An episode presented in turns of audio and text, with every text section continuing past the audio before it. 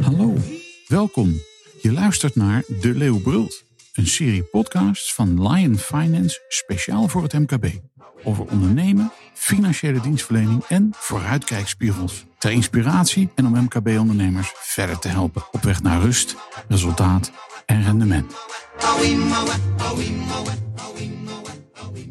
Fijn dat je luistert.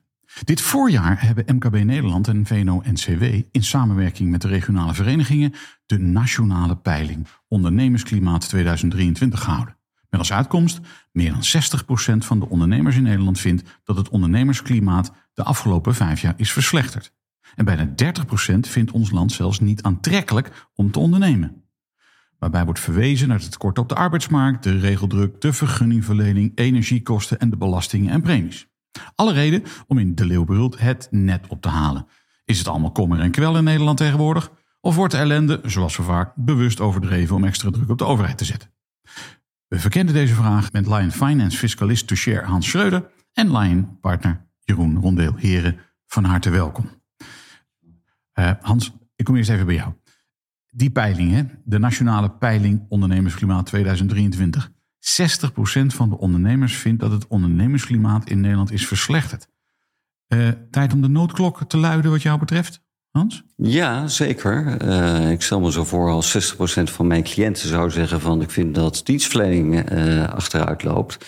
Dan kan ik bij mezelf denken, ja, 40% vindt het blijkbaar nog steeds prima. Maar je bent ook failliet.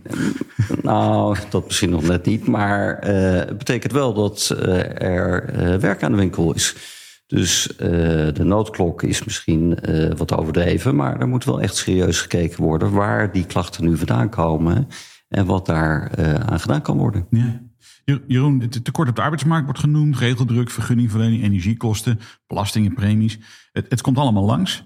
Wat, wat, is wat jou betreft het, de, de, de, waar het wringt op dit moment? Is dat, zijn het inderdaad die dingen of, of zijn het ook nog andere dingen? Ja, de arbeidsmarkt is iets wat iedereen op dit moment merkt. Uh, iedereen klaagt erover dat het heel moeilijk is om vacatures uh, te vervullen. Uh, en als je dan een beetje in dezelfde lijn als Hans denkt van ja, als 60% ontevreden is.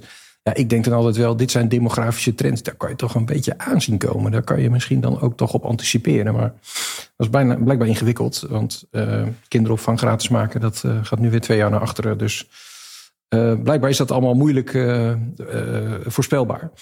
Um, maar als je kijkt naar regeldruk en vergunningverlening, ja, dan zie ik toch wel echt een, een, een probleem wat ja, niet opgelost wordt. En dat, dat, dat is wel, als je ondernemer bent, wel vervelend. Uh, en wat je ook ziet, is dat er ja, op sommige uh, momenten gewoon, ja, ik vind het politieke speelveld uh, heel onoverzichtelijk worden. En, en ook onvoorspelbaar. En ja, daar heb je als ondernemer mee te maken. En dat is absoluut een, een serieuze risicofactor.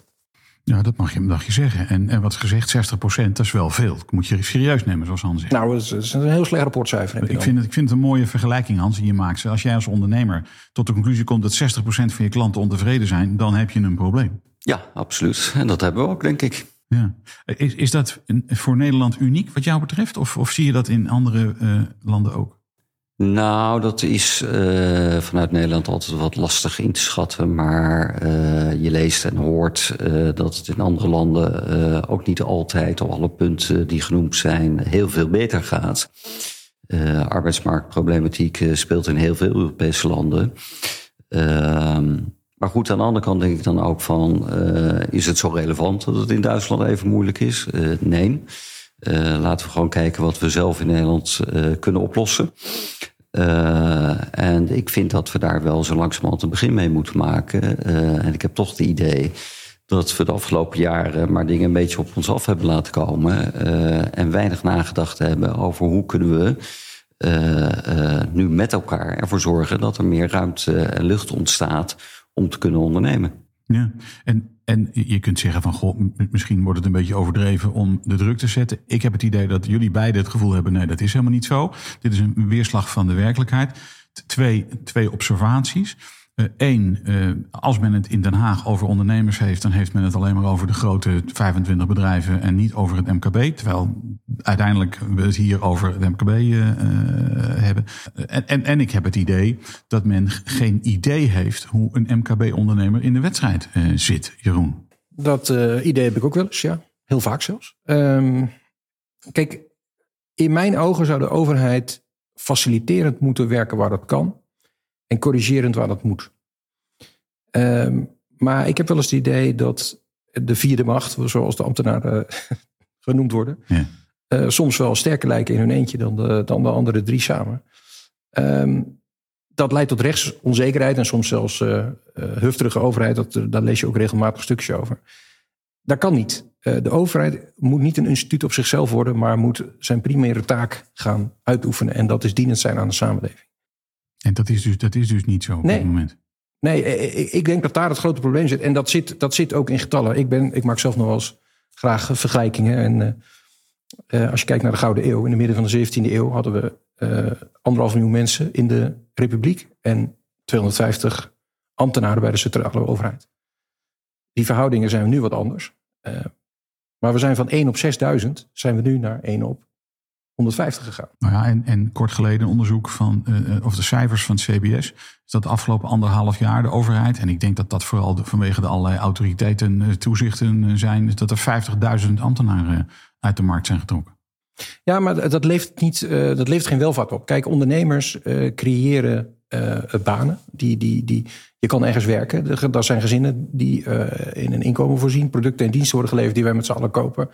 En het mooiste nog, uh, als er winst wordt gemaakt, uh, kan er ook belasting betaald worden. De overheid verdeelt dat geld. En tuurlijk, er moet beleid zijn en er moet corrigerend worden opgetreden. Dat is hartstikke goed. Maar volgens mij kan het wel een tandje minder. En ik heb daar één heel mooi voorbeeld van, wat ik laatst tegenkwam. Er komt een verplichte registratie woon-werk en zakelijk verkeer voor werkgevers met meer dan 100 werknemers. Om de CO2-uitstoot terug te dringen, stand verhaal. 60% van alle werknemers werkt bij die bedrijven. Nou, dan weet je één ding zeker. Over een paar jaar dan zijn die werkgevers van die laatste 40% aan de beurt. En die moeten hetzelfde gaan doen. Alleen die ondernemers hebben daar geen mensen voor. Die, dat, dat, heeft ook, dat is ook maar de vraag wat dat oplevert. Want denk ik dat uh, over een aantal jaren die CO2-reductie komt? Ja, zeker wel. Want je ziet, als wij nieuwe, nieuwe bedrijfsauto's gaan kopen, wordt ons geadviseerd: jij moet wel een elektrische nemen.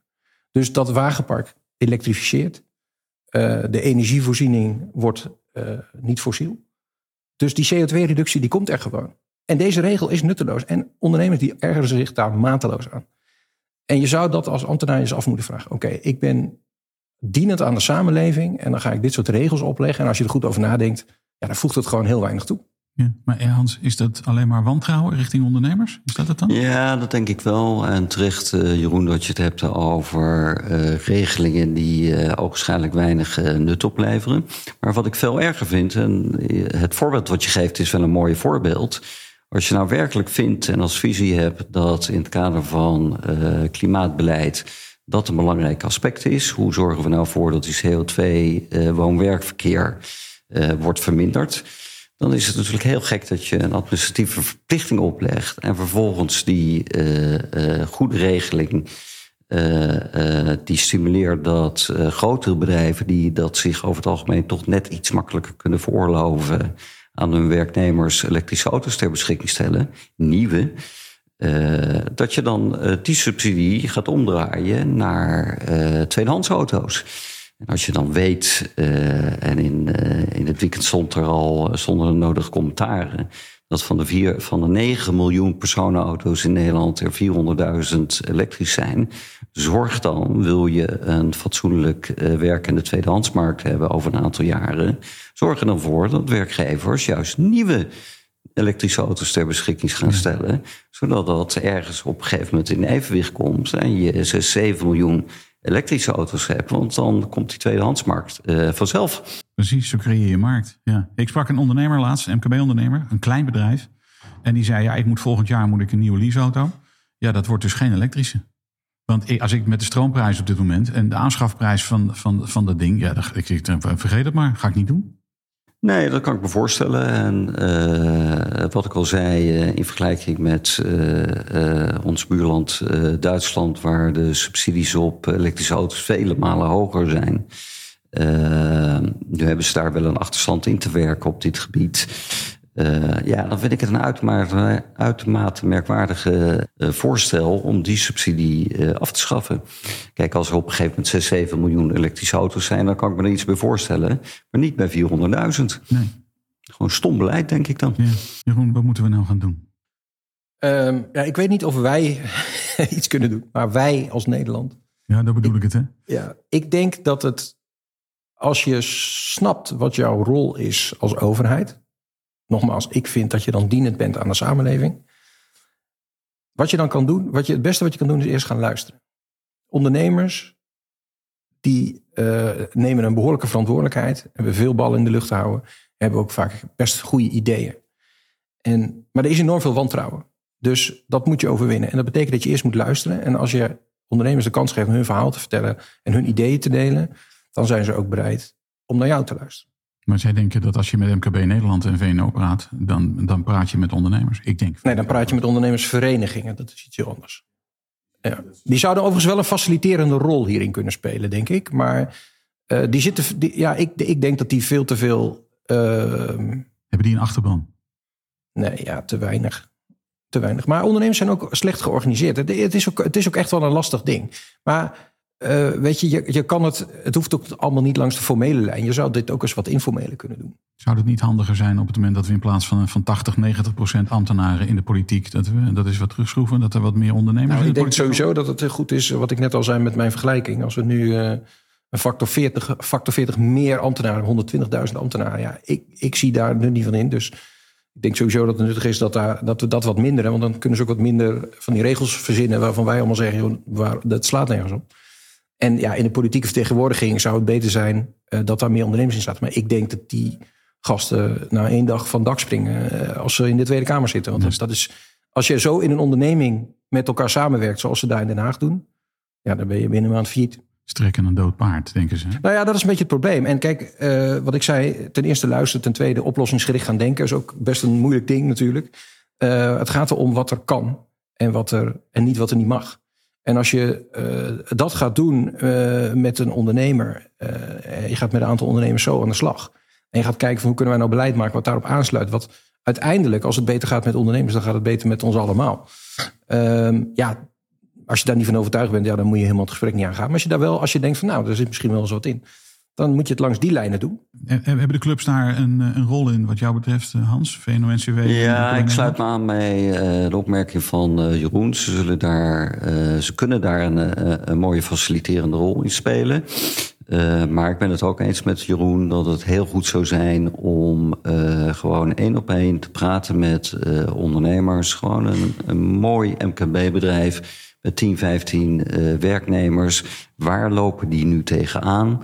Wat is de visie van de overheid? Hoe zou de overheid uh, een, een, nuttige faciliterende rol kunnen spelen? Uh, zonder initiatieven uh, meteen dood te kunnen maken. En, en die ondernemer zelf, los van dat hij dat gesprek aangaat, zijn ondernemers, kunnen die wat doen wat jou betreft? Ja, dat is toch moeilijk, omdat die zich, uh, hoor ik vaak, ook niet echt vertegenwoordigd uh, voelen. Uh, in ieder geval open te blijven staan om gesprekken aan te gaan.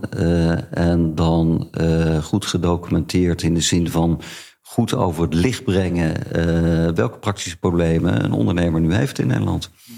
Wat ik, wat ik merk is dat heel veel MKB-ondernemers en familiebedrijven in het bijzonder dat die in de praktijk buiten beeld een hele actieve rol spelen in de samenleving, in de hmm, maatschappelijke dienstverlening, zal ik maar zeggen. Uh, maar dat vertaalt zich nog niet in uh, dat, en, en, het is natuurlijk de, de vraag tellen is een beantwoorden misschien, maar dat vertaalt zich niet in een actieve rol uh, ten aanzien van, jongens, de, de bestuur, het openbaar bestuur. maar daar moet toch een keer een kentering in komen voor je het weet, uh, lopen we te er tegenaan dat ondernemers blijven roepen van ja, ik ga een beetje een dood paard trekken, joh, uh, uh, daar begin ik niet aan. ik, ik heb een bedrijf te runnen en et cetera. En dat die ondernemers dat, en dat die, die ambtenaarpolitici blijven roepen, omdat ze geen idee hebben hoe, hoe, een bedrijf in elkaar zit. Van ja, dat zijn allemaal mensen dagen bij dukjes. Dat zijn allemaal mensen die alleen maar proberen de zaak te vernachelen en extra geld te, te verdienen. Ja, als wij zo tegenover elkaar blijven staan, dan gebeurt er, gebeurt er helemaal niks. Dat is wel een beetje waar we nu zitten, ja. Ja, maar ja, Hans? ja, en ik, uh, volgens mij is het, uh, moet je gewoon heel klein beginnen. Uh, gewoon een bepaalde visie hebben waar je, waar je naartoe gaat. En als je het nieuws een beetje volgt, dan hoor je bij wijze van spreken op maandag dat we richting A gaan. Dan denk je, nou, misschien wel een goed idee. En op woensdag heb je een voorstel van een ander ministerie wat gewoon een andere kant op loopt. Ja. En als je het nieuws een beetje, een beetje volgt en je probeert daarop te letten, dan gebeurt dat gewoon 10, 20 keer per week. En uh, uh, daarmee zorg je ervoor dat zaken alleen maar complexer worden. Ik, ik, vind, uh, ik, vind er wel een enorme bewolking van uitgaan van deze De Leeuw Brult, eerlijk gezegd. Aan de andere kant kun je ook zeggen, het is eigenlijk een wonder dat het allemaal nog best zo goed gaat in dit land. Nou, het kan ook veel beter, zo kan je het ook zien. Ja, dat lijkt me. Lijkt me Want dat, dat, dat kan haast niet anders. Nou ja, kijk, ik denk dat de kern van het probleem is dat politicus gewoon een beroep is. Ik, dat denk ik echt serieus. Ja, dat is niet meer de volksvertegenwoordiging. Nee, nee maar het, het zou een. Het zou een uh, wat ik zeg, als je, uh, ja, uh, als je als overheid ziet als een, dat dat een dienende functie heeft voor de samenleving, dan zou je dat ook als politicus zo moeten ervaren. En ik denk dat veel van die mensen gewoon denken: ja, weet je, ik heb het nu voor het zeggen, ik wil herkozen worden. En als daar alle energie op gaat, ja, dan ga je natuurlijk niet met ondernemers praten om dingen beter te maken, om regels te verzinnen waar je niet mee in het nieuws komt. Maar de grap is, als je kijkt naar politiek heeft, die mist haar achterban, weten we. We weten dat de vakbeweging, maar 16% van alle mensen is lid van een vakbeweging. En daarvan is 60, 70% is ambtenaar. Dus die hebben ook geen achterban. En ook de ondernemers hebben ook nauwelijks achterban. Want uh, ja, er zijn clubjes, maar dat is het dan ook. Dus met andere woorden, zodra die partijen die het overleg voeren ook eigenlijk niet de achterban hebben, kom je ook niet verder, Hans. Nee, nu weet ik niet uh, of ze geen achterban hebben. Uh, ik zie bij uh, bijvoorbeeld bij de vakbonden dat die zich nu wel uh, weer, denk ik, op een juiste manier roeren. Om er in ieder geval voor te zorgen dat uh, bijvoorbeeld medewerkers in distributiecentra inderdaad die verhoging krijgen waar ze na een aantal jaar toch echt wel recht op hebben. Ehm, het probleem is vaak dat vakbonden, maar dat speelt ook bij ondernemers, dat die enerzijds voor een bepaalde groep van een achterban uh, uh, terecht uh, opkomen. Ehm, kijk naar de distributiemedewerkers, dat die meer moeten gaan verdienen. Dat denk ik dat heel Nederland dat ook wel vindt. Maar dat betekent niet dat dan ook alle medewerkers salarisstijgingen van 10% uh, dat ze daar recht op hebben. Of, en dat zie je natuurlijk ook bij uh, ondernemingsverenigingen. De positie van een MKB-ondernemer is nou helemaal heel anders dan een wat grotere uh, multinational of Nederlands bedrijf. wat 100 of 200 miljoen omzet heeft. Omdat die vaak toch dan met bepaalde problematiek wat beter weten om te gaan. En ook meer in staat is om daar beter mee om te gaan. Misschien zijn we wel een keer toe aan een nieuw stelsel. Ja. En werkt het huidige stelsel gewoon onvoldoende goed. En wat bedoel je met een nieuw stelsel? Nou, dat, dat wat ik net zei, dat zoals we nu uh, met elkaar verblijven in deze samenleving, politiek, bedrijfsleven, dat dat gewoon een nieuw, ja, hoe zeg je dat? Een, een, een nieuwe vorm nodig heeft. En dat uh, die politieke vertegenwoordiging en het feit dat je als, je, als iemand uit de Tweede Kamer verdwijnt, dat die dan nou wel ergens oppopt als burgemeester of iets anders. Dat we daar wel eens van af moeten. Dat we gewoon. Dat, ja, dat het een, uh, een, een, een, misschien een soort maatschappelijke plicht wordt om ook uh, die rol te vervullen. In plaats van dat je daar ja, jezelf op een soort voetstuk plaatst en nooit meer uit die politieke wereld terugkeert naar de echte wereld. Nou, laten we, laten we deze Dreeuwbrult in ieder geval met, met deze dagsluiting eindigen. In de zin van uh, alle luisteraars worden opgeroepen om daar nog eens over na te denken. Alle denktanks worden opgeroepen om uh, hun beste windje voor te zetten. Om te kijken van, joh, kunnen, we iets, kunnen we iets verbeteren? Want één ding is zeker. En we nemen nu de aanleiding, het ondernemersklimaat. We hadden net zo goed de laatste provinciale verstatenverkiezingen kunnen nemen. We, we, we stellen vast dat we dat we op een aantal fronten vastlopen. Dik, vastlopen en dikke behoefte hebben aan verandering. Ik dank jullie zeer. Graag gedaan. Graag gedaan. Dit was hem weer voor vandaag. Namens Hans Schreuder en Jeroen Rondeel, bedankt voor het luisteren. En heb je op basis van deze podcast vragen? Neem dan contact op met Lion Finance. Ze helpen je graag verder. Mijn naam is Koos Woltjes en tot een volgende keer.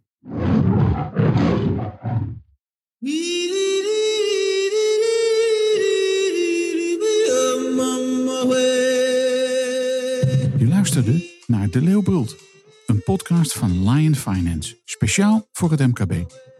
Wil je de hele serie beluisteren? Kijk dan op de website van Lion Finance of abonneer je via Spotify, Apple Podcast of Google Podcast. Binnenkort is er weer een aflevering. Tot dan.